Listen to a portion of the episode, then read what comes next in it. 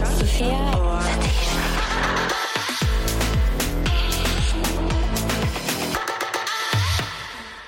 uke, ny podkast. Yes. Og fra nå av kommer det til å være i alle fall en periode to episoder i uka. Men nå er vi altså på torsdag, den ordinære episoden. Og det finnes ingenting ordinært med dette, som dere vet, men det er nå det vanlige kjøret vårt. Det er nok eh, Ja, det er det. Og det er litt mer high-tech eh, denne gangen her. De siste gangene så har vi jo hørt alle introene via telefoner, og ja, nå er vi et studio som vi ikke er Jeg er ikke helt fornøyd med studioet. grunnen til at vi ikke er fornøyd med det her studioet, er for at vi må sitte skvist inntil Ja. hverandre. Så dere som følger oss på Snapshow, for at dere som vil se episodene våre, kan altså følge oss på Snap for å se oss når vi snakker. Og da kan dere se at vi sitter langt utenfor vår intimsone. Men det skal ikke påvirke innholdet i dag. Jeg har vært i senga i en uke, for jeg bestemte meg for å ta fri der jeg var sånn Nå skal jeg ta fri på den måten som betyr at jeg er kun i senga, flytter meg kun når jeg må holdt på å si lage noe mat, men når jeg skal hente mat fra Voltbudet i gangen. Og på et punkt så ble jeg for lat til til og med det. Og, Kom inn tredje dør til venstre. og så tror han at han skal få en pornosetting, men så er jeg så ligger der stygg som faen. Og bare gi meg den vegetarburgeren. Um, så har jeg vært på toalettet, det er det som har skjedd. Uh, Sett fem sesonger av Gossip Girl. Um, Men det er sykt deilig, ass, med bare sånne uker. For jeg også har hatt en liten sånn uh, debrief uh, week. du har savnet det allerede? Ja, men det er altså if, You know, when people ask me what is your dream job, så er jeg sånn I don't dream of labor. Sånn, hva mener du med drømmejobb? Sånn, jeg var ment for å Jeg mener ikke å sette oss tilbake i tid, men altså, housewife-æra er mm. Ja, er den æraen jeg er i nå. Jeg tok denne uka med fri fordi jeg hadde hatt en periode med mye stress, og jeg kjenner meg sjøl, hvis jeg ikke tar en uke der absolutt null niks nada skjer, Ja. så kommer jeg til å få en psykisk påvirkning av det som har skjedd, der jeg kan bli deppa eller krisemaksimere, så det var nødvendig med en break. Og som jeg sa, jeg lengta allerede tilbake. Jeg hadde et døgn der jeg sov 18 timer, som igjen førte til at i natt sov jeg fem timer. Og det som er så gøy når jeg lå på telefonen i natt, så ser jeg at du har sendt meg Du holder på Jeg klarer ikke å, tåle, jeg klarer ikke å tolke hva det er, men du står der med noe Det er noe, noe krystaller, det er noe som jeg tolker som et lys, og så er det noe røkelse og noe ild, føler jeg. Noe røyk. Og da skjønner jeg at nå er det noe forhekselser på gang. Du har tatt bildet i fullt alvor og sendte meg, og jeg sånn Se hva jeg gjør? Så jeg sånn Ikke Jeg skjønner ish. Jeg elsker at du gjør det. Jeg hadde en minimanisk eh, uke. Og det, Hvorfor har du hatt en minimanisk? minimanisk uke har vært fordi at eh, jeg har nok du, du vet når vi hadde den Tinder-festen, yeah. den følelsen du hadde den dagen, yeah. hvor bare Oi, shit, det her er veldig ekte. Det har hitta meg litt. Hva har det vært som har vært ekte? Bare alt eh, styret som egentlig har vært rundt oss. Det har vært veldig stressende med jobb. We've, I mean, we've scrambled around to, to put this together. Og jeg har jo litt sånn dårlig samvittighet også for at jeg har følt meg så utbrent, fordi det er jo ikke egentlig vi som har scrambled around, det er jo managerne våre, Gisle, alle Jeg skal si at rundt. jeg har vært i de møtene og Og- de mailtrådene, det skal jeg si. Ja, ja, og ditto. Men sånn, nå så bare er jeg sånn Åh, gud a meg. Det, det bare hitta meg ekstra hardt. Og jeg fikk en litt sånn tom følelse av meg den uh, uka som uh, har vært. Og ja. Mm. She's tired. Har du lagt noen nye i fryseren din med tanke på at du var på forheksingstokt i natt? Det som var, var at det, det jeg gjorde i går, det var litt sterkere enn å legge det i en fryser. Så det er ingen nye navn i fryseren Hva min. mener du med at det var sterkere enn altså et sterkere hat? Eh, ja, i uh, the spiritual world så er vi jo i nyåret nå, egentlig. Og de to siste dagene som har vært, har vært uh, nymånen, som er starten på det nye året. Det er de sterkeste manifes... mm, Hva heter det? Manifestasjons... manifestasjonsdagene i året. Så i går så hadde jeg en blanding av både forhekselse og ma manifestation, da, basically. Hva manifesterte du? Jeg manifesterte lykke, hell, kjærlighet og penger. Jeg la faktisk inn to laurblader for deg også. Ok, jeg er veldig spent. Hva manifesterte du for meg? Jeg manifesterte at du ikke skulle ha noen pengebloks. Hva det betyr? At ikke du The bag isn't stopping. At du får penger inn i kassa. Jeg får penger inn i kassa to be continued. Det er muligens Jeg bunner juridisk for å si ting akkurat nå. Du er det. Så derfor felte jeg, la jeg inn et par laurblader eh, for deg også. Det er jo ikke det at du er blakk, men jeg bare føler at eh, vi begge har hatt eh, ganske mange sperrer, da, eller folk som har vært litt ute etter oss. Så jeg prøvde å mm, klippe de båndene. Ok. Jeg har faktisk ingen bekymringer for det med penger, og det er kanskje fordi at jeg vet penger kommer, penger går. Jeg har spart penger så mye. Ja ja, penger kommer og penger går, og sånn eh, Neste gang manifesterer at jeg ikke blir manisk forelska. Nei, altså, den andre lærebladet mitt var jo kjærlighet for deg, da. ikke, begge var jo ikke penger. Det Det var det jeg mente. Men uh, ja, jeg ønsker oss et uh, videre godt år. og Jeg må si en ting på snakk om juridisk, og det var at jeg skulle ringe advokaten min tidligere denne uka. Det er en av tingene jeg klarte å pulle fra senga, at jeg ringte han. Og han hadde en maktdemonstrasjon jeg ikke har vært vitne til noensinne. Han ringer meg, så sier jeg sånn Hei, det er Sofie. Så sier han Jeg må bruke et annet navn. Han sier Hei, det er Andreas. Og så sier jeg hei. Og så gjør han sånn her. Etter han har ringt meg, etter jeg sier hei, så gjør han sånn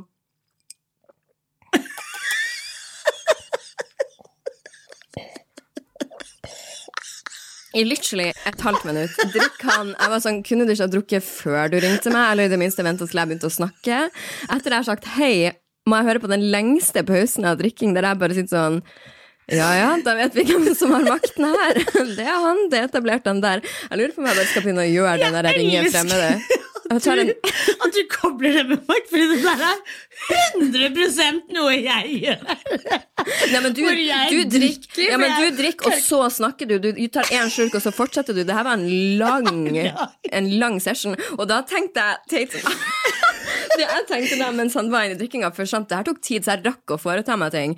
Først sørte jeg, og så var jeg sånn, ja, da åpna jeg den colaboksen også, og det kom en lyd sånn av den colaboksen. Det er sånn, nå er vi på fest, og jeg begynner å drikke, og det blir liksom litt søl, og så fikk vi starta med praten vår. Så det var, altså, det liksom satte meg litt ut. Men da viser, vi skal vise at du big dick energy, bare ta en jævlig lang slurk etter du har, noen andre har sagt hei til deg. Eller gjespe. Gjespe også føler jeg er uh, inserted dominance. Jeg prøvde å begynne å lære meg å sitte sånn som Elon Musk sitter. Sånn power pose. Hvis dere googler power pose, så kan dere se hvordan Elon Musk sitter. Du basically peker ned på skrittet ditt når du sitter og snakker. Så jeg prøvde føler det. for store pupper. Nei, du kan sitte med dem lenger ned. Så jeg hadde en periode der jeg powerposa når jeg snakka med folk. Men jeg klarte ikke, for jeg glemmer liksom Jeg forfølger meg så masse, men jeg glemte det med en gang igjen, så ja, ja. Jeg skal gjøre det på date. Jeg skal bare Ja, powerpose på date. Det finnes mange ulike powerposes, men det var How den much do you earn uh, yearly? Du trenger ikke å si noe, du skal stirre og ta Bare en stirre. ja. Ja. Og så kan vi gå videre til clickbait. Vil du starte? Jeg kan uh, starte. Salty Nei, oh, oh, let me do it again. Salty på salt. Jeg var på uh, mitt første liveshow noen gang noensinne. Der du var på Der scenen. var jeg, var jeg på oh, Jeg klarer ikke å snakke i dag. Sorry. Jeg Håpte du gjorde det bedre på liveshowet. ja, jeg gjorde det. Jeg var uh, med Gucci Gaute og Snorre Snorre Snorre. De hadde liveshow sammen. Og det er uh, egentlig til vanlig Gaute da, som er uh, programleder, og så er det Snorre som er sidekick. Men nå var det Snorre som var programleder, og Gaute var sidekick. Og det bare ga mani. Uh, Jeg må bare si, For det første må jeg skyte inn at jeg vet ikke hvem de som er. Så for å paint a picture, hvem er Snorre og Gucci Gaute? Eh, de begge er komikere. Snorre er jo up and coming. Gaute er en person som jeg har fulgt ganske en god stund, da, på både TikTok og på Instagram. Ganske unge, da. Har, ja. Og så var jeg også med Martin Sleipnes, som også var gjest. Og så spør Snorre ja, har dere møtt hverandre før. Og jeg bare ja, herregud, vi har møttes før, men jeg skal være helt ærlig, jeg husker ikke helt eh, hvor jeg har møtt deg hen. Og han bare det husker jeg veldig godt. Eh, og husker du hva du sa til meg? Nei, jeg gjør ikke det. Har du smakt på sjokomus før? Hadde jeg da tydeligvis sagt til denne her karen første gangen jeg møtte han. Jeg bare Ok, og dette her sa du på scenen på dette liveshowet. Da fikk jeg faktisk klemt ut en liten latter av eh, publikum. Jeg har aldri hørt deg bruke ordet sjokomus før. Nei, ikke? Nei, men det er sånn, kanskje noe du til... 100 noe jeg Jeg vet, men jeg vet, du tilbyr det kanskje ikke til meg, det er bare derfor jeg ikke har hørt det. altså Og takk Gud ha- for det. Du må jo ha hørt meg si det før. Sjokomus on display. Veldig tacky, egentlig, når jeg tenker meg om. Jeg har, eh, jeg har noen merkelige måter å engage på, kanskje. Ja. Ja. Ja. Her vil du pule? Nei, det er bare kødda. Eh, hva heter du for noe? Det er jo basically det du Det er jo basically det jeg gjør. Og så lurer jeg på hvorfor ingen har fridd til meg. Det er for at jeg er en hore. Altså, En av de tingene som jeg også har lest sånn kontinuerlig nedover på Jodel, er jo sånn at jeg er så jævlig vulgær. Og det er en ting som har gått skikkelig inn på meg i det siste, fordi jeg er bare sånn Jeg er jo bare I'm just conversing. Kanskje de mener at måten Hva tror du de mener når de sier det? Jeg Jeg vil ikke si at jeg ikke aner, fordi, fordi det gjør jeg. Men jeg bare er sånn Er det ikke meg, da? Er, ikke det, er, det, ikke, er det ikke litt ok å være litt uh, promiskuøs, Jo, måte? men det er jo som når folk sier til meg at jeg virker veldig monoton. Så jeg, sånn, jeg vet jo at jeg har et rikt følelsesliv, men jeg, sånn, jeg skjønner hvorfor du oppfatter meg som monoton. Jeg skjønner hvordan jeg prater. At jeg sier sånn Det er jævlig bra. Høres ut som jeg syns det er bra? Nei, men jeg mener det. Jeg elsker det du gjør nå. Det er så bra. Jeg lo så mye. Jeg lo så mye på innsiden. Ja, altså. Så jeg har litt tid før det kommer ut. Ja, du har masse følelser inni deg. Jeg har masse følelser på utsiden, og så bare føler jeg ikke at jeg egentlig har så mye inni meg som det du har. Død på innsiden. Jeg er litt død på innsiden, faktisk. Jeg serverer en sterk Niklas Baarli. Det var akkurat han jeg tenkte på. Niklas Baarli. Ja. Hver gang jeg snakker med Niklas Baarli, så er jeg sånn You don't have a fucking thought through those eyes, do you? Jeg tror han har mange tanker, men jeg tror ikke han har så Jeg mye tror ikke han har én fette tanke. Det har han jo sagt til meg selv, at han har ikke så veldig rikt indre liv. Nei. Men det betyr ikke at han ikke har veldig mange tanker. Nei, sant. Tank, ja. Anyways, vi kan gå over til min clickbait. Paris Hilton eh, Det var clickbaiten min, egentlig. Fordi at Paris Hilton har skrevet en bok, Paris the Memoir. Jeg har jo venta i spenning på den her, fordi jeg elsker å lese bøker til kjendiser. Og der, let me tell you, der er det et vidt spenn i om det er bra eller dårlig. Uh, for at en kjendisbok kan være noe, noe så enkelt som at de egentlig bare kan ha fem blanke sider, og så er ramser de opp en liste over ting de liker å kjøpe på Walmart, og så er det en ny side der det er litt sånn I love my fans so much. Ja, altså en kjendisbok er veldig mye bilder ofte. Så Tror du hun har skrevet den selv, og var boka tykk? den var sånn normal størrelse, jeg vil si sånn som mine bøker. 200, litt mer, 200-300. Eh, og så var det Jeg tror ikke hun har skrevet den sjøl, og det følte jeg egentlig ble ganske åpenbart, men jeg tror hun har skrevet det med en ghostwriter som har gjort en veldig veldig god jobb. Okay. For det kommer jo også fram i boka at Paris Hilton har jo aldri gått lenger enn til det som er vår tiendeklasse i Norge på Nei, skole. Eh, men det som jeg syns var det første som grep meg veldig med denne boka, som var interessant, det er jo det at Paris Hilton sier veldig ofte at hun den karakteren vi har sett offentlig i media, har bare vært nettopp det, en karakter. For at hvis man hører hun snakke nå, så snakker hun veldig sånn her. Hun har jo den vanlige stemmen sin. Ja, som er liksom en sånn her type stemme. ja. Adriana, som var den andre stemmen hennes. Men det som også er reflektert over når jeg leste det, er at en karakter er jo alltid en versjon av deg som allerede finnes inni deg. Du er finner aldri et alter ego som ikke eksisterer i deg. Og det tok meg tilbake til min egen start på min karriere, fordi at når jeg skulle begynne å blogge, så så jeg på alle som var kjent fra før av bloggerne, så tenkte jeg, hva har jeg som de ikke har? Og da var jeg sånn, ok, jeg vet at jeg er blond, bimbo, Barbie, men jeg har også det at jeg er politisk aktiv og jeg bryr meg om dyrevern og psykisk helse, så kan jeg spille veldig på de to ytterpunktene av meg sjøl, og da skaper jeg, kall det en karakter, men karakteren er jo fortsatt meg. Um, og jeg tror litt det er det hun har gjort, fordi hun forteller i boka Hun har en dokumentar som heter Paris This is Paris, Ja, This is som er på YouTube, som alle kan se. Men der forteller hun at hun var på sånne Hva heter det? Internat? Boarding school, Ja. eller internat. Eller? Ja, eller basically en skole du blir sendt til når du er et problembarn der voksne Men er det, er det for problembarn, eller er det for rikinger som ikke orker Nei, det- å på en måte ta vare på barna sine? For det for- to forskjellige ting. Ja, det her er jo for Boarding school er jo ofte de der rikingskolene ute i Ja, Sveits. For og- school er noe annet. Der har du det bare bra. Det er en vanlig Ja. preppy skole på en annen plass. Det her er en sånn straffeskole du blir Ja. sendt til for å fullføre et program hvis du har utagert mye. Var det kristen? Eh, nei, det var, ikke, det var ikke noe religiøst opplegg. Men hun ble iallfall henta dit når hun var 16 år gammel, skulle være der i to år. Fikk, ble lurt og sa hun skulle være der i ett, men hun var der i to. Hun prøvde hele tiden å rømme, og for hver gang hun rømte, så ble hun bare sendt til verre og verre og verre skoler. Og det var så ille. Den dokumentaren gjorde ikke rettferdig over hvor ille det var. Hun forteller grusomme historier. De hadde sånn De hadde ikke skole, men det de måtte gjøre, de måtte sitte og skrive de styggeste tingene de noen gang har tenkt, de styggeste tingene de noen gang har gjort, ting de tror at andre har gjort, hvis de har brutt regler på skolen. Du fikk ikke lov å himle med øynene, du fikk ikke lov å subbe når du gikk, du fikk ikke lov å snakke om venner, familie, godteri, mat, musikk, film, du fikk ikke lov å snakke om noe positivt. Og hvis du trodde at noen andre av elevene hadde brutt reglene, så skrev du ned i boka. Og da blir du vekt på natta en gang i uka, der de velger ett offer, så skal alle stå og rope de styggeste tingene de klarer til den personen som sitter i midten, der formålet er dem til å få dem til å innrømme enda styggere ting de har gjort. Og det måtte de gjøre med hverandre, disse elevene. Sånn som poengsystem som var helt fucka, de fikk nesten ingenting mat. Du kunne bli vekt på natta for å bli tatt til gynekologisk undersøkelse, som ikke var en gynekologisk undersøkelse, det var basically bare medisinsk voldtekt. Um, og så ble du satt inn i sånn in, eh, celle, du vet når du er sånn på isolasjon, og de cellene var så små at du ikke kunne legge deg ned. Det var helt mørkt, det var kaldt, du var naken, og alle de cellene sto på rekke og rad, så du kunne høre alle de andre elevene liksom hyle og holde på.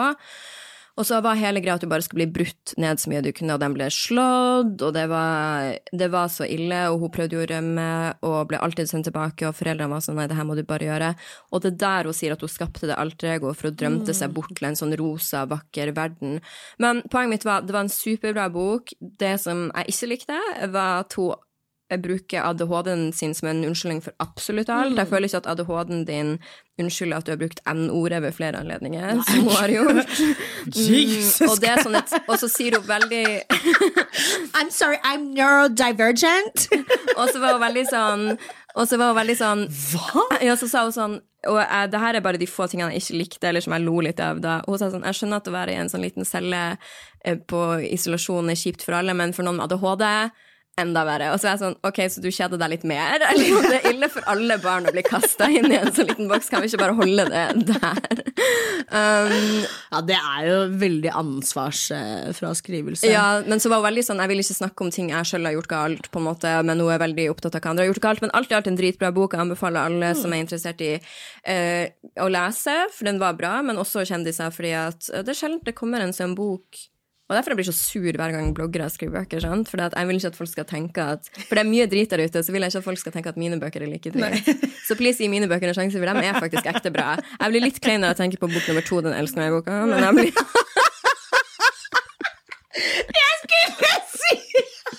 Jeg syns det er en bra bok, men jeg blir klein. Den er god. It's a good it's a, Der er du en hovedperson, til og med. and he was a good man, Savannah.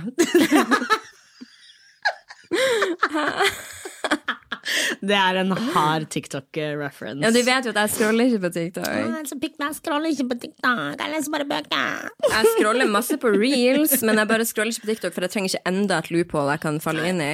Det er eh, ikke det, ja, Mata ADHD-en min veldig feil, i hvert fall. Så. Jeg hadde en dag på TikTok i den der sengeuka mi nå forrige uke, og vet du hva jeg klarte å få til å bli min algoritme, som jeg syns er veldig gøy?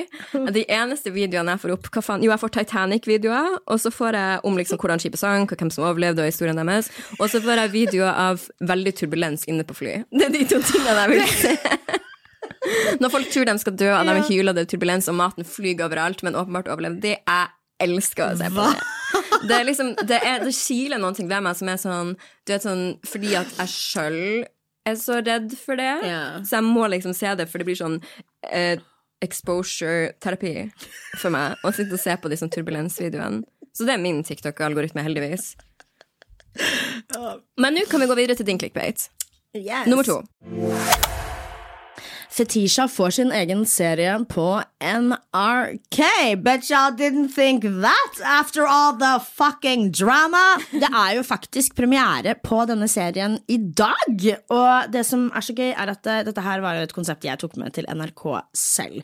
Det er et datingkonsept. Mm. Serien heter Fetisha sveiper, og jeg er over the moon fordi jeg er jo en introvert som har blitt ekstremt ekstrovert, og dating er blitt litt sånn hobby, om det er dating for romantisk eller bare sånn det å møte folk. Så dette her er et talkshow-konsept pakket inn i en første date. Mm. Det jeg basically er nysgjerrig på, er hvordan er norske kjendiser på en første date? Fordi vi veit jo hvordan de er i jobb og hva de driver med, men How is it to date you? Mm. Så den kommer i hvert fall på spilleren på nrk.no. I dag. I dag. Kan du avsløre noen av de kjendisene du har data? Ja, og det her er gøy, fordi det er en så Jeg bare er så stolt over casten.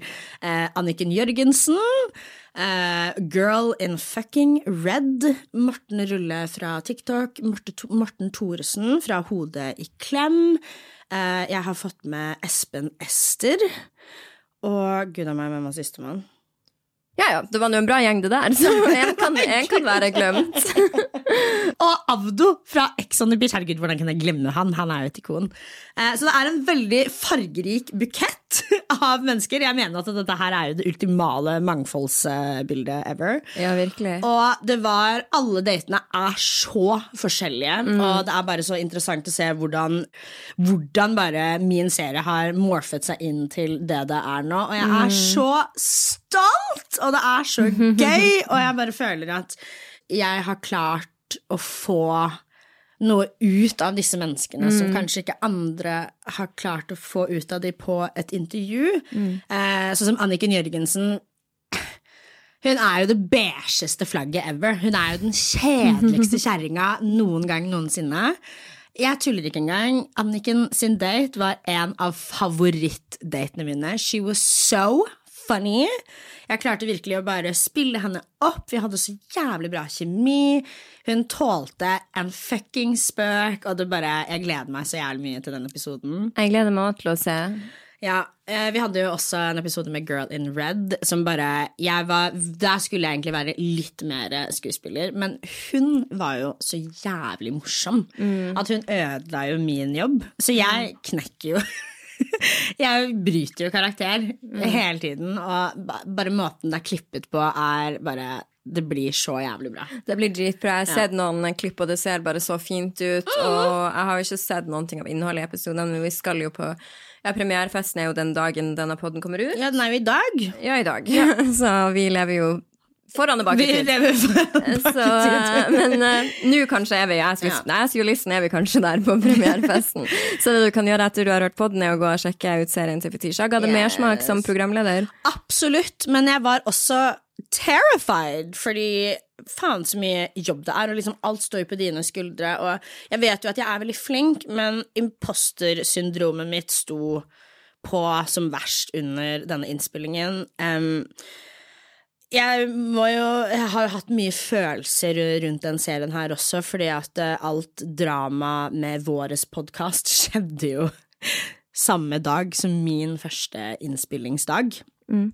Så det å sitte der og på en måte skulle prestere men også bare sånn ha følelsen av at kanskje serien min ikke blir, blir noe av, har jo også vært en sånn ulmende følelse som jeg har hatt inni meg. Så det er så gøy og bare at, at, dette her bare endelig har kommet ut av tunnelen, og at uh, she's live, and she's live today, and I'm so excited. Jeg håper at dere alle sammen vil sjekke det ut på nrk.no.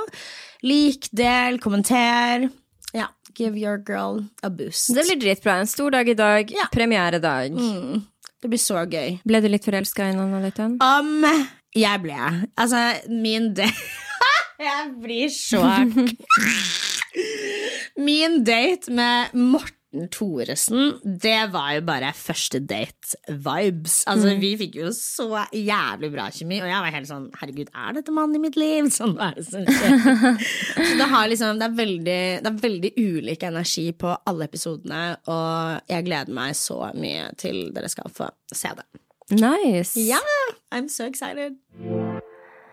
På en måte på å snakke om kjærlighet Å åpne hjertet sitt for noen. Eh, det glemte jeg av at jeg ville snakke om, men det vil jeg faktisk. Ja. Eh, og det er fordi at jeg har alltid vært ekstremt uredd for kjærlighet. Det spiller ingen rolle hvor dårlig et forhold har endt, eller hvor sorg jeg har hatt, så jeg er alltid sånn Du det, er ekstremt uredd, ja. ja, jeg er veldig sånn, det var det forholdet, det betyr ikke at det kommer til å skje igjen. Og jeg tar sjansen, for jeg syns at kjærlighet er så fint. Og sånn er jeg fortsatt. Mm. Men det som jeg merker har skjedd med meg nå, det er at jeg har fått ikke en mur, men jeg har kommet dit som jeg var livredd for at jeg skulle komme.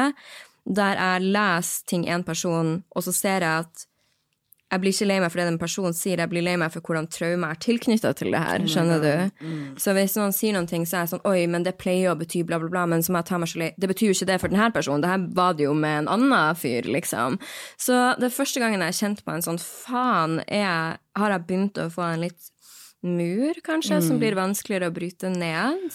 For du, Hvordan er du med det? Har du egentlig en mur? For jeg føler jo at du er ganske uredd, selv om du blir i forholdene dine i ti Ja, altså, obviously så er jeg ikke noe mur. Jeg er jo en fucking pushover. Eh, jeg føler at uh, muren min har liksom begynt å bygge seg litt, fordi jeg også har vært en person som bare kaster meg ut i kjærlighet og Men jeg syns det er en så fin ting. Jeg. Men jeg er helt enig med deg, men jeg bare føler at den gangen her At det kanskje har bitt meg litt grann i rumpa. Fordi sånn Jeg har skrevet faktisk Det er så gøy du eh, nevnte det også, fordi jeg Ja, for jeg hadde ikke tenkt å si det, men så var jeg sånn, faen, det er jo noe jeg har tenkt mye på den siste uka. Så.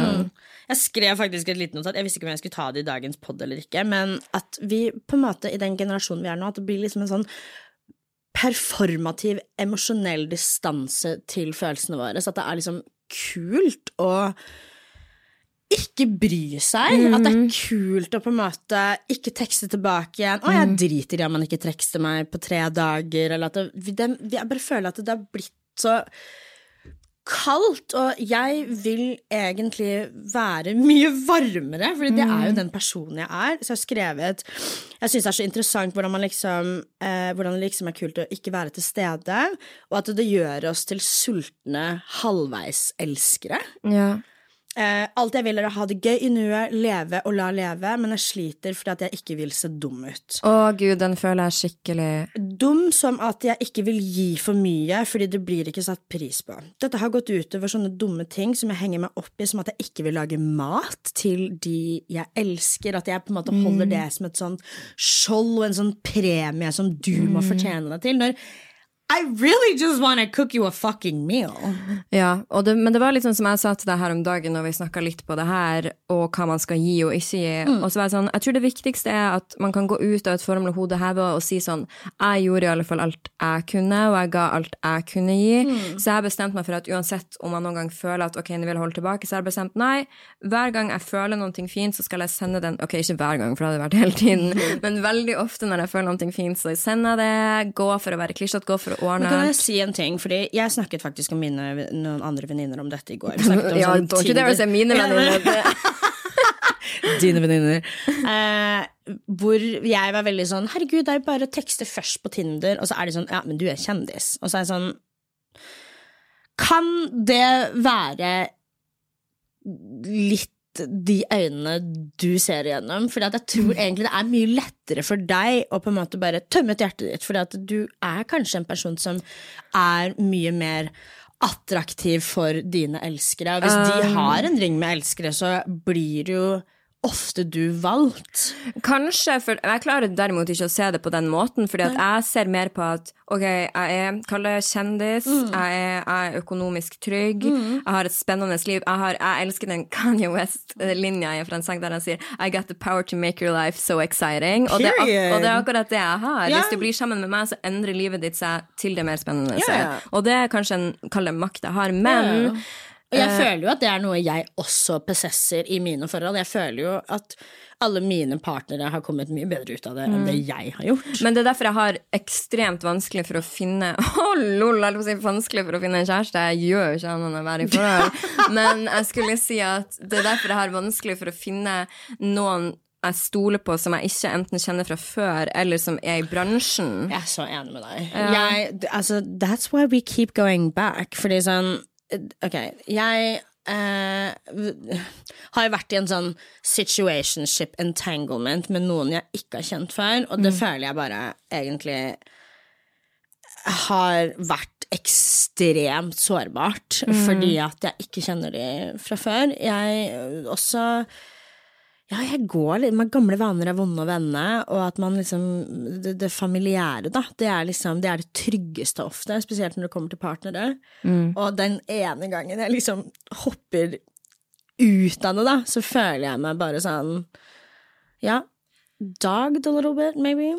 Men det er, mer, det er kanskje mer sårbart, som du sier. Ja, sårbart. Ekstremt sårbart. Og det har satt meg i en posisjon hvor jeg sliter veldig med mm, å være å, dele masse på melding, fordi Men ok, skyt inn. Jeg har fått sendt screenshots av dine meldinger. Ja, men du har ikke sett alle, da? Nei, det er sant. Har Da har du vist alle. meg der du kommer dårligst ut av det, i så ja, fall. det, Fordi du skriver for lite. og ja, sånn. det er en ting du har sagt, at jeg gir for lite på tekstmelding. Mm. Mitt forsvar, da, og nå Jeg bare Jeg sliter skikkelig med å Jeg, jeg, jeg skrev jo til deg at jeg ville ikke at han skulle ha noe bevis på at jeg var øm. For jeg vil Mm. på en måte ikke Jeg vil ikke bli ledd Jeg vil ikke at han skal sitte og Men kunne du- flekse at han sitter og dater meg, Jo. og at, jeg, at han har meg rundt lillefingeren. Ja, men du vet, en bra person som jeg tror han er jo et voksent menneske, ville aldri ha vært sånn «Åh, se hvor snill hun er. For det er jo bare fint om man får en kjærlighetserklæring. ja.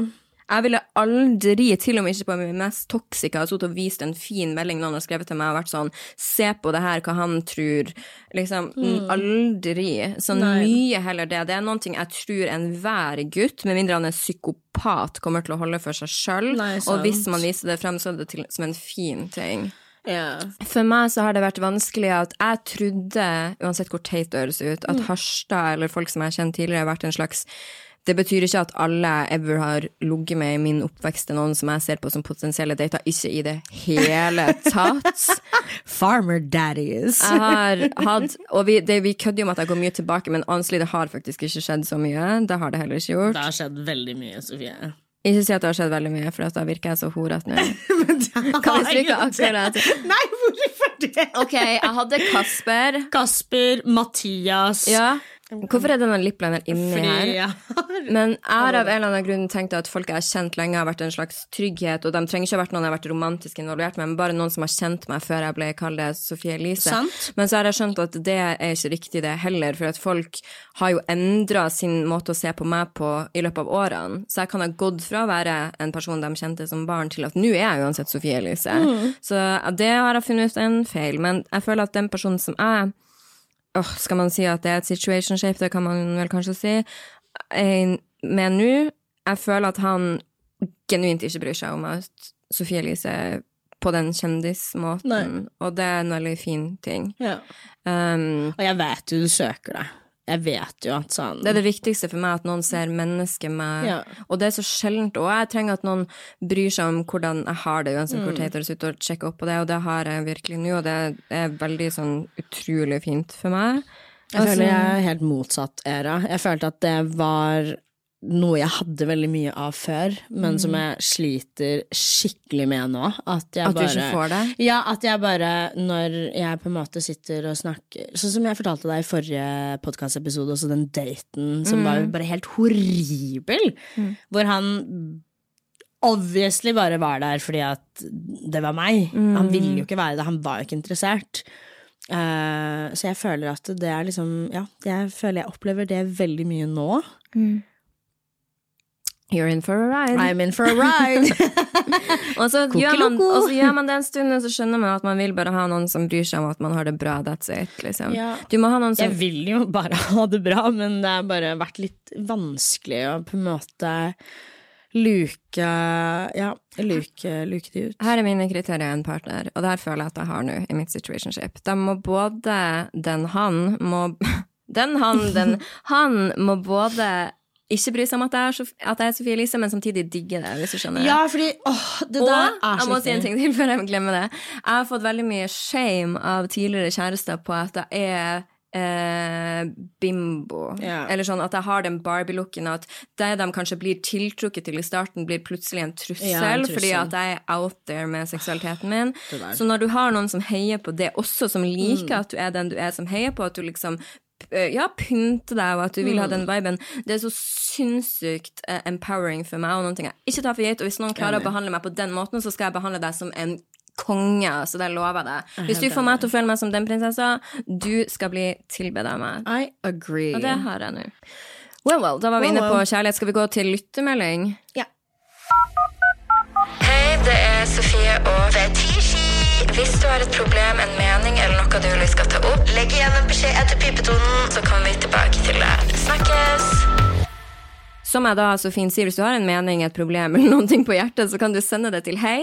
At sofieogfetisha.no. Det er altså en e-post. Yes. Ikke Ikke nettside. og eh, da skal du sende oss en lyttemelding, en talemelding. Og som sagt, det trenger ikke være et problem du har. Du kan godt si sånn Sterk mening. Du kan si sånn Jeg syns Hitler ikke hadde helt feil diskuter. Altså, er det dit du vil gå, så kan du gjøre det, OK? Ja, vi får Så. se om vi plugger opp, men uh... Men du skjønner, det er liksom, det er liksom bredde her. ja. snurr, snur, snur opptak. Hei, jenter. Jeg er så glad for at podden fortsetter. Jeg er en day one listener, og denne podden pleier å få meg gjennom uka, så det setter jeg skikkelig pris på. Em, jeg har i den siste tiden slitt litt med fortiden min, og jeg føler et stort anger på ting jeg har gjort tidligere, fordi min bodycount er ca. den samme som Sofie sin. Jeg er litt yngre enn Sofie. Jeg er 22, og det syns jeg gjør det hele litt verre. Jeg angrer på 70% av de jeg har ligget med, og husker ikke navn på 90% av dem. Og de fleste var et one night stand. Jeg hater at bodycounten min ligger på rundt 40 i en alder av 22. Og i tillegg så ble jeg smittet av herpes av et one night stand for rundt tre år siden. Selv om jeg aldri har smittet noen. Og dette får meg til å føle meg ekstra skamfull. Så spørsmålet mitt er egentlig hvordan håndterer jeg skammen som kommer som følge av bodycounten min? Og føler dere noen gang på dette eller lignende ting? Og hvor mange er egentlig for mange? Eh, ja, Gjerne snakke litt rundt temaet bodycount. Det hadde jeg satt skikkelig pris på. Thank you. Kan jeg starte? Kan jeg si Jeg skamma meg ikke over bodycounten min før jeg hørte denne lyttemeldinga.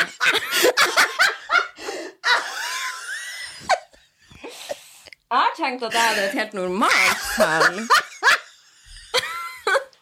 Jeg liker at vi har fått en hel lyttemelding basert på hvor krise det er å som er bodycount som meg. Vær stolt. Ok. Um, slutt å telle.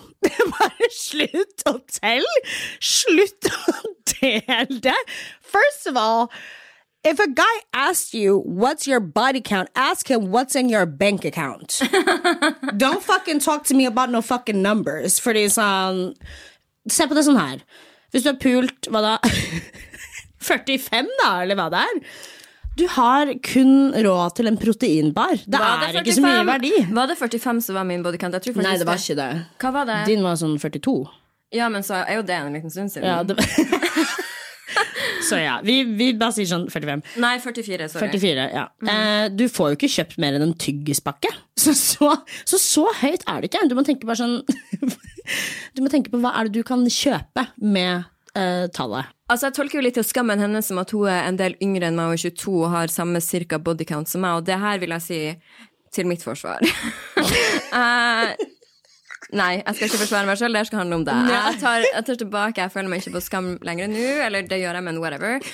Um, du jeg hadde cirka kanskje Jeg hadde ikke så langt unna det jeg heller når jeg var 22. Jeg har vært i forhold nesten siden da, og det er liksom Jeg tenkte ikke noe på det da, jeg tenker ikke noe på det nå. Man har jo levd. Ja, altså, man, Ok, dere må slutte å liksom skamme dere over antallet mennesker dere har ligget med.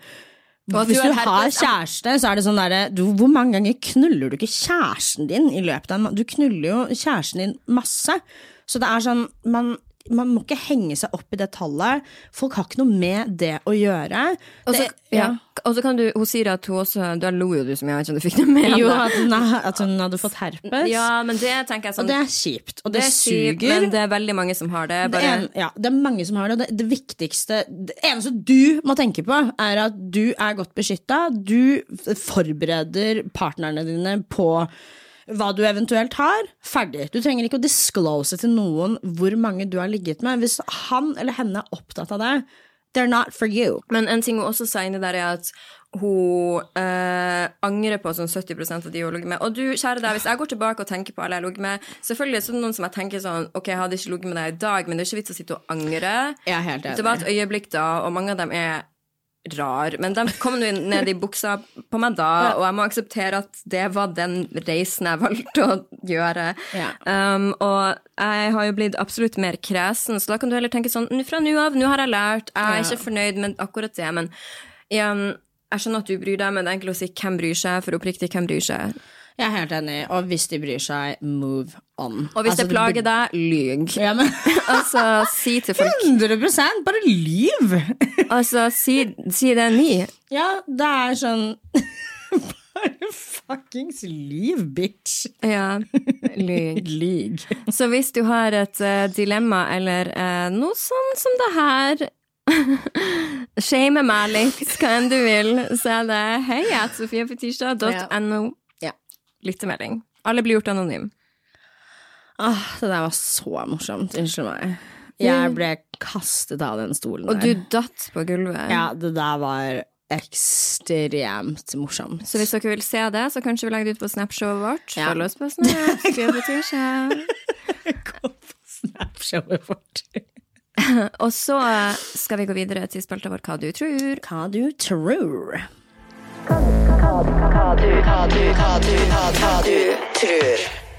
Så Fetisha, hva du tror? Det viser seg at én av tre nordmenn ikke leser nyhetene i det hele tatt fordi at de er redd de blir deppa eller stressa eller nedfor av å lese det som står der. Hva tenker du? Og leser du nyhetene? Jeg tenker at jeg er en, jeg er en feit andel av den eh, statistikken. Men er det fordi har- at du er lat, eller er det for at du Nei, jeg har litt eh, verdensangst. Jeg bare føler at eh, det er så mye som skjer ute i verden at jeg har blitt veldig First of all, very desensitized. Hva betyr desensitized? At man er eh, Ja, ikke like kontakt med følelsene sine, på en måte. At man er litt mer man, man skyver eh, Mm. Ja, jeg skjønner, jeg skjønner. Ja, du skjønner at man Ja, desensitized. Om lytterne skjønner det, vet jeg ikke, men jeg skjønte det i det hvert fall. ja. Ordbok. Nei da. Uh, så jeg syns nyheter er litt sånn vanskelig å følge med på, for det er bare så jævlig mye som skjer hele tiden. Det er liksom en blanding av Krig, klima, eh, stock market crash Stock market, uh, stock market crash! Men eh, ja, nyheter litt sånn vanskelig. Og så får jeg har jeg egentlig det siste året liksom fått mesteparten av nyhetene mine gjennom TikTok og Instagram. Ja, og det er jo liksom- kritikkverdig i seg sjøl. Altså Om det er. uh, Ja jeg? Absolutt, fordi at en Men du, altså Sofie, du må tenke at sånn TikTok var mer brukt enn Google, altså. Og Ja, det men har de vært betyr de det, tre men siste betyr det årene. at det er en bra kilde for Men å hente eh, nyheter? hvor er de beste kildene? Skjønner du hva jeg mener? Det, Det er er jo, alt er jo questionable Alt er kilder. questionable, men jeg se, mener- se og hør, altså sånn, det er Ja, jo men jeg sitter jo ikke og leser og hører for å få nei, nyheter. nei, men det er bare sånn Alt er questionable Ja, men kilder, jeg skjønner mener du? ikke nå at det er questionable. Jeg tenker ikke på kildene. Det jeg mener, er at det som er med alt som det du sier om klimapolitikk, om stock market, om alt det, det at ting er så komplekst at det krever at du setter ordentlig inn i det over lang tid. At du Ja. må faktisk lese gjennom informasjon. Det holder ikke å se en person snakke om det her som har tatt overskriften. Nei, og da føler jeg jo heller ikke at det, Men da føler jeg jo heller ikke at det hjelper å lese én artikkel. Nei, men det mener ikke jeg heller, for det jeg skulle si på det her, var at jeg gidder ikke å lese VG, Dagbladet, alle de der tingene, Nei. for de er clickbait-styrt, for de er annonsestyrt. Hvis man skal lese nyheter og få ordentlig bra saker, her kommer det en shout-out NRK, for de er ikke annonsestyrt, så hvis du skal lese bra nyheter som Mm. ikke gjør deg redd, for de trenger ikke å gjøre deg redd for å skape god journalistikk, Mm. så er det der. De har lange saker de har brukt årevis på laget, som, og siden de er statlig styrt, de kan ikke, eller sånn, man okay, kan jo hvis du tviler på staten, men altså, det er sånn, det er Altså, Jeg velger å få nyhetene mine fra der. Jeg syns TikTok, Insta er fint for underholdning, men er det der du skal forholde deg til verdens uendelige lag av konflikter, og hvor vanskelig det er, det syns jeg ikke. Jeg tror ikke det er det at jeg forholder meg til det, men det er mer at man på en måte blir litt matet der. Annen, et godt eksempel jeg har, da, er jo sånn under Black Lives Matter, når det sto på det verste, så var jeg jævlig avhengig av TikTok. Jeg skjønner Fordi det. at det var politiet som starta veldig mange av demonstrasjonene. De som sto midt under disse opptøyene, de brukte Instagram og TikTok for å kanalisere hva er det som egentlig til helvete skjer her ute på the battlefield. Det skjønner jeg, og det er jo det, det fine fine ved liksom- sosiale medier, at man Ja, kan ja. dele det som skjer fra det faktiske perspektivet. Jeg men jeg sier- mener bare sånn at hvis du eksempel hadde vært interessert i, la oss si Altså det som er det farlige med TikTok, Insta og alle ting som er algoritmestyrt, det er at det styres inn i det du allerede liker. mener. Ja, ja, ja. Så du, det blir et ekkokammer av deg sjøl uansett hva man sier, så man får nyheter, men du blir aldri egentlig utfordra på ting som er helt ulikt deg, egentlig. Nei. Og det er det jo beviselig at det ikke blir, og. Er derfor de tingene er farlige på mange måter. Ja. Pluss at det blir veldig overfladenivå, for det her er korte videoer som er ment for å engasjere, så du kan ikke ta den kjedelige delen av det, hvis du skjønner. Nei, absolutt ikke. Men jeg tror det er sånn som du sier, jeg tror det er mye mer komplekst enn det. Jeg tror ikke at alt som er på sosiale medier, bare er drit og ljug og tull og men det er ikke det jeg jeg sier heller. Jeg mener bare at hvis man har det som sin eneste kilde til Mm. nyheter, da kan man heller gjerne si at jeg på en måte Men ene, i hvert fall for meg så er ikke det min eneste kilde. Jeg føler at det er der jeg blir gjort oppmerksom på de ulike sakene som skjer i verden, og så gjør det at jeg går og søker det på andre kanaler. Mm. Så det er liksom Det er både og, men jeg skjønner det er sånn obviously TikTok er jo ikke Det burde jo ikke være your source of reason for any fucking thing. Fordi sånn som du sier, den algoritmen er jo veldig sydd til din egen preferanse, på en måte. At man ikke blir utfordra. Men jeg synes at sosiale medier er et vanvittig viktig verktøy. Jo, men altså, jeg sitter ikke og krangler på om det er viktig eller ei, og at det er en fin plass at stemmer til folk som ellers ikke hadde blitt hørt, blir hørt, og også Mm. i nyhetsbildet, hvis man, det kan man trekke til Black Lives Matter, det er det som skjer i Iran, altså man kan trekke Ja. det på så mange måter. Men så er det en annen måte nyheter også funker på, der det er mer komplekst når det kommer til for eksempel politikk, eller klimapolitikk, eller dyrevern, eller altså alle de tingene der, som jeg tror det er ingen TikTok-video kan Jeg er uenig, ass. Jeg er skikkelig uenig med Hvis det du for eksempel elsker Hvis du elsker Hvis du er veldig pro at uh, vegetarianere og sammenhengen med klima ikke har noe med hverandre å gjøre, så får du kun videoer som bekrefter det du allerede Men det betyr ikke at riktig informasjon ikke ligger der ute. Bare Nei, men det er bare at du. Ja, men det er det jeg mener er problemet, Ja. da. At du får den ikke. Det er det som, ikke du, men jeg mener sånn at hvis du først har kjørt deg inn i et ekkokammer, så er det det du Da blir du bare bekrefta og bekrefta og bekrefta det du allerede mener. Og det er jo beviselig skadelig. Det er jo ikke noe jeg bare sier. I mean, we're always kind of a little right, aren't we? Hvem? Hvem som sitter på og scroller på sin, på sin enhet. Ja, men det er derfor jeg tenker at man burde gjerne bruke de tingene, og det sier jeg ikke er feil, men også tror jeg det er viktig at man også sjekker litt innom ting som ikke er styrt av dine algoritmer. Uten tvil. Og ikke bare søke opp saker du allerede har blitt oppmerksom på, for måten du søker det på, er jo det også, også har jeg veldig mye å si. Så jeg ville oppfordra å sjekke innom NRK, kanskje ikke hver dag, men gjør det et par ganger i uka. Les noen av de lengre sakene de har laga. Det er veldig mye interessant, og det vil jeg gjerne anbefale. Det er iallfall min nyhetskilde. Jeg føler jo at vi har sterkere og tryggere kilder, og bare sånn journalistikketikk her i Skandinavia, punktum. Jeg føler jo ikke at man kan Jeg føler ikke at man på en måte kunne tatt disse rådene og implementert det i USA, hvis du skjønner. Så Nei, det kommer nei. jo sikkert litt an på hvor i verden du er også. Vi er Men nå jo snakker vi jo til våre norske lyttere, mest sannsynlig med mindre noen hører på det her og ikke forstår norsk i USA. Altså, det vet man ikke, men da skjønner jeg ikke hva jeg sier nå heller, så whatever. Men ok, skal vi gå videre til Ja, vi skal gå videre. Skal vi gå videre til ukas jodel? Yes! Ok, Jeg blir sjelden misunnelig, men da en kompis fortalte meg om hvilken kjendis han var med på hotellrommet sist sommer, ble jeg grønn. Håper det var meg. Det bør være meg. Det er sånn, jeg har for stort ego det eneste gang. Jeg var sånn, hm, var jeg på noe hotellrom i fjor? sommer? Jeg hadde kjæreste i fjor, så det var faen ikke meg. Um, Det handler ikke jeg. nei, eller Ah, Situationship der òg. Jeg trenger tips. dersom du skulle kledd deg ut som en kvinnelig kjendis, hvem skulle det vært, og hvilket antrekk? Helst noen som er lett å kjenne igjen, norsk eller internasjonal, det spiller ingen rolle. Altså, Når folk kler seg ut som meg på halloween Du vet, De kunne ikke gjort det med deg, for det hadde blitt sånn blackface. Så du er stuck. Jeg er stuck. Jeg vil jo kle meg ut som white chicks, men da er jeg redd for at det blir en sånn anti-woke tirade etter meg. Nei, det tror jeg ikke. Men anyways, når folk kler seg ut som meg, det elsker jeg. Da er det bare noen ballonger under T-skjorten, og så er det noen blonde extensions. Men det folk veldig ofte kopierer, en look jeg hadde på Vixen for noen år siden. Ja. Den gangen jeg flasha puppene. Puppene. For da kan du ha sånn kort, litt krøllete hår, så har du en sånn bukse med Ja, bare google det. Det er kostyme folk har som go-to på meg. Faen! Vi glemte av at vi skulle tatovere Crazy White People Eyes før denne podden. Men takk Gud for at vi ikke gjorde det. Ja, men vi skal gjøre det fortsatt, vel? Hvor? Vi tar det på rumpa eller noe sånt. Eh, den rumpa mi har tatoveringer fra før, og jeg skal ikke at noen Du har At noen ligger med meg, så sier de de. Vi kan ha det rett over. Vi kan ha det sånn, sånn tramp stamp. Jeg tar det typ på Oh foten. Ja, ja, ja. Under Jeg, jeg kan ta det på armen. Jeg kan ta det på armen. du, du kan ta det her oppe. I don't care.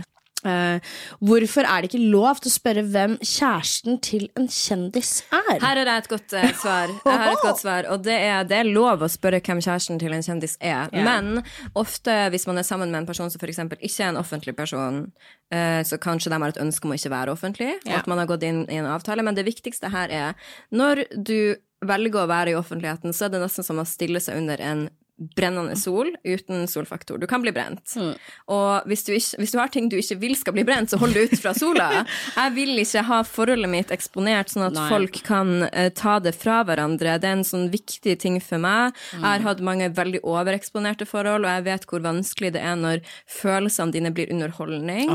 Der folk spekulerer er de sammen, er de ikke sammen, var han med henne, var han ikke med henne, hva skjedde i det bruddet? Det er ikke noe jeg ever har lyst til å utsette meg sjøl eller en ny partner for igjen. Nei. Um, And honestly, just gatekeep the dick. Sånn, ikke skryt av hvor stor pikken til kjæresten din er. Ikke si hvor hyggelig han er. Ikke sitt på podkasten som jeg har gjort de siste episodene og rava over en fyr. Som er et totalt rasshøl, for nå kan han løpe videre og haha! Det er jo Fetisha som eh, Det er meg Fetisha snakker om. tror du han gjør det, da? Eh, 100% Jeg var på Jodel i går, og så fant jeg en Jodel-tråd. Broke my fucking heart. Hun Fetisha driver og snakker om i poden, holder på med venninna mi. Mm. Da var jeg sånn Men har du i det hele tatt spurt han om det er sant? No. Ja, det, But I know du er et løpende rødt flagg. Du må spørre Nei, men Han har jo ghosta meg i sånn tre dager. Har du skrevet til han? Nei, men hva Nei, skal er jeg har skrevet ghosting. til jeg, nei, nei, nei, nei. Se her, du. Vet du hva? You such a pick me ass bitch. Fordi du, jeg prøvde å komme til deg med råd. Vet du hva Sofie sa til meg? Hun sa du må, du, du må tjene mannen din, du må være snill, du må være lys og hans positivitet, og du, kan, du må bare gjøre alt som han sier. Det var liksom, det var rådet ditt til meg.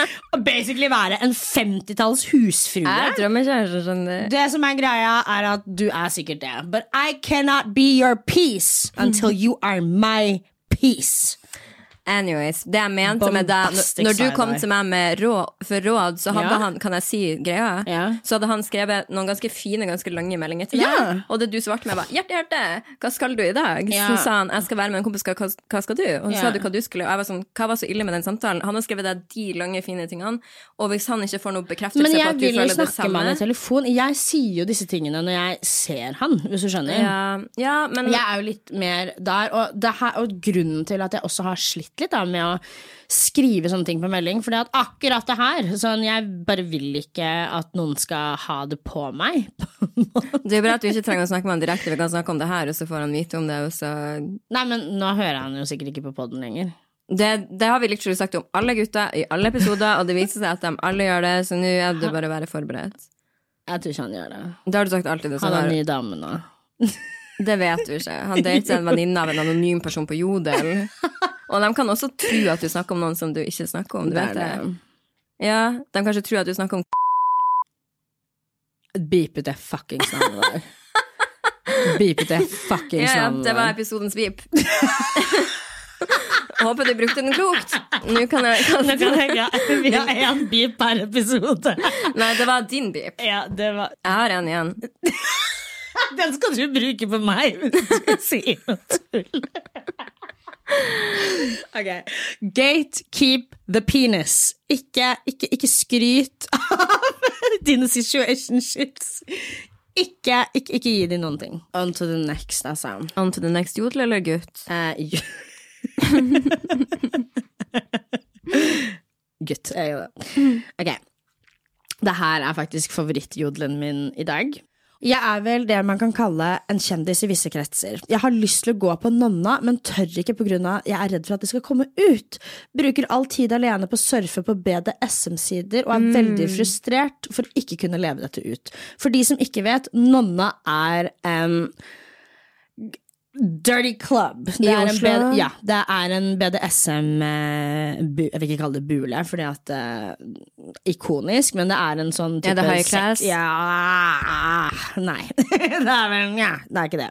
You almost had me, men almost had me. ja, nei, det er, jeg har ikke vært der selv, jeg har bare hørt om det. Det her er bare venner av meg som har Jeg skjønner den personen så godt. Og det er veldig, jeg måtte le litt av det der kjendis i visse kretser. For husker du når, for noen podder siden når jeg sa sånn at jeg var keen på en fyr som var kjendis i visse kretser?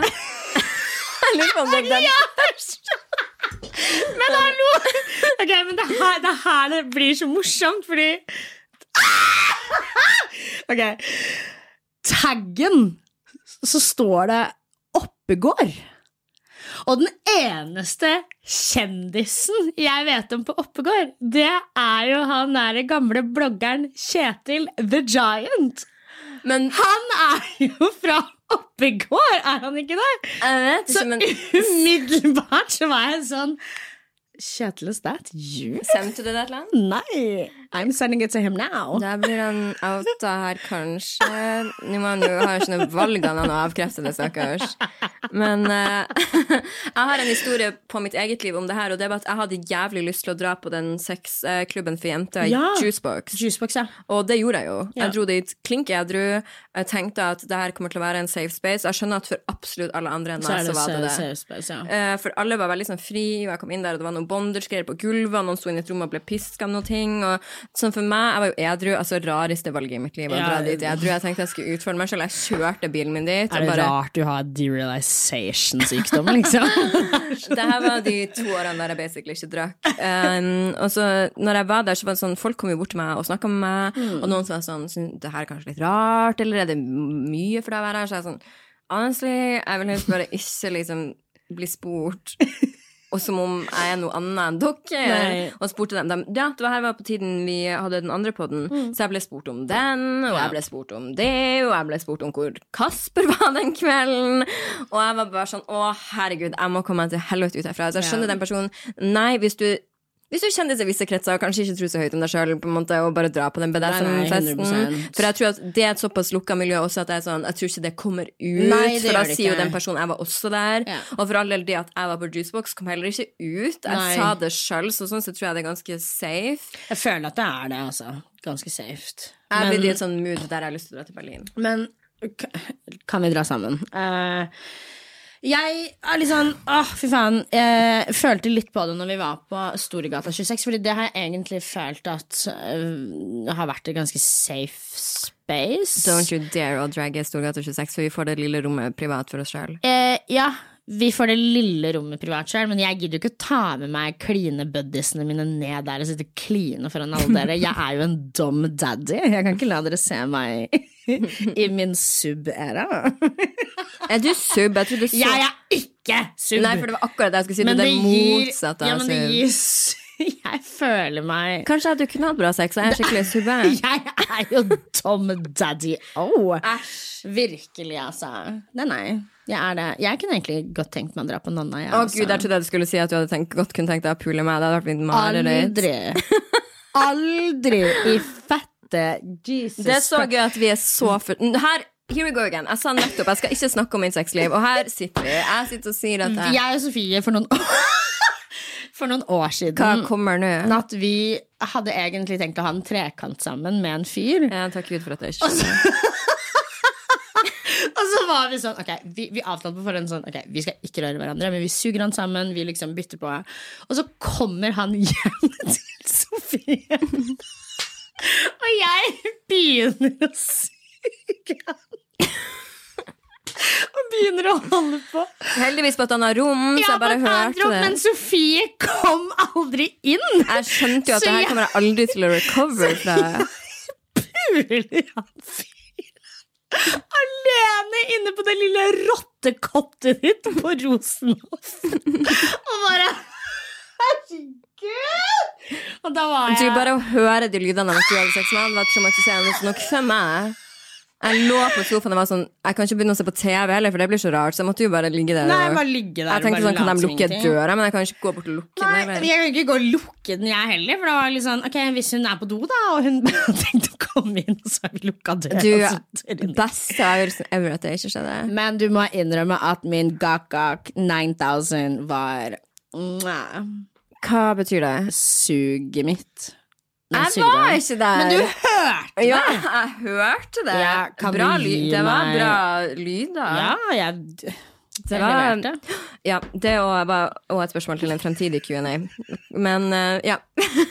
Kanskje jeg skal rappe opp denne episoden, sånn at vi kan komme oss til eh, Ja, hvis dere savner oss, vi er tilbake på søndag allerede.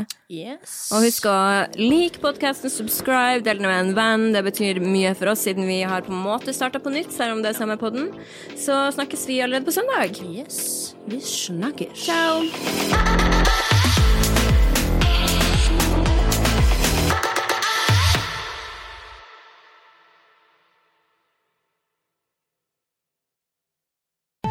Å drive en bedrift uten regnskapsprogrammet TrippelTex er litt som å piske krem uten miksmaster. Det går jo, men det bare tar masse unødvendig tid. TrippelTex, det fleksible regnskapsprogrammet som forenkler hverdagen for over 100 000 fornøyde kunder. Prøv gratis på TrippelTex.no.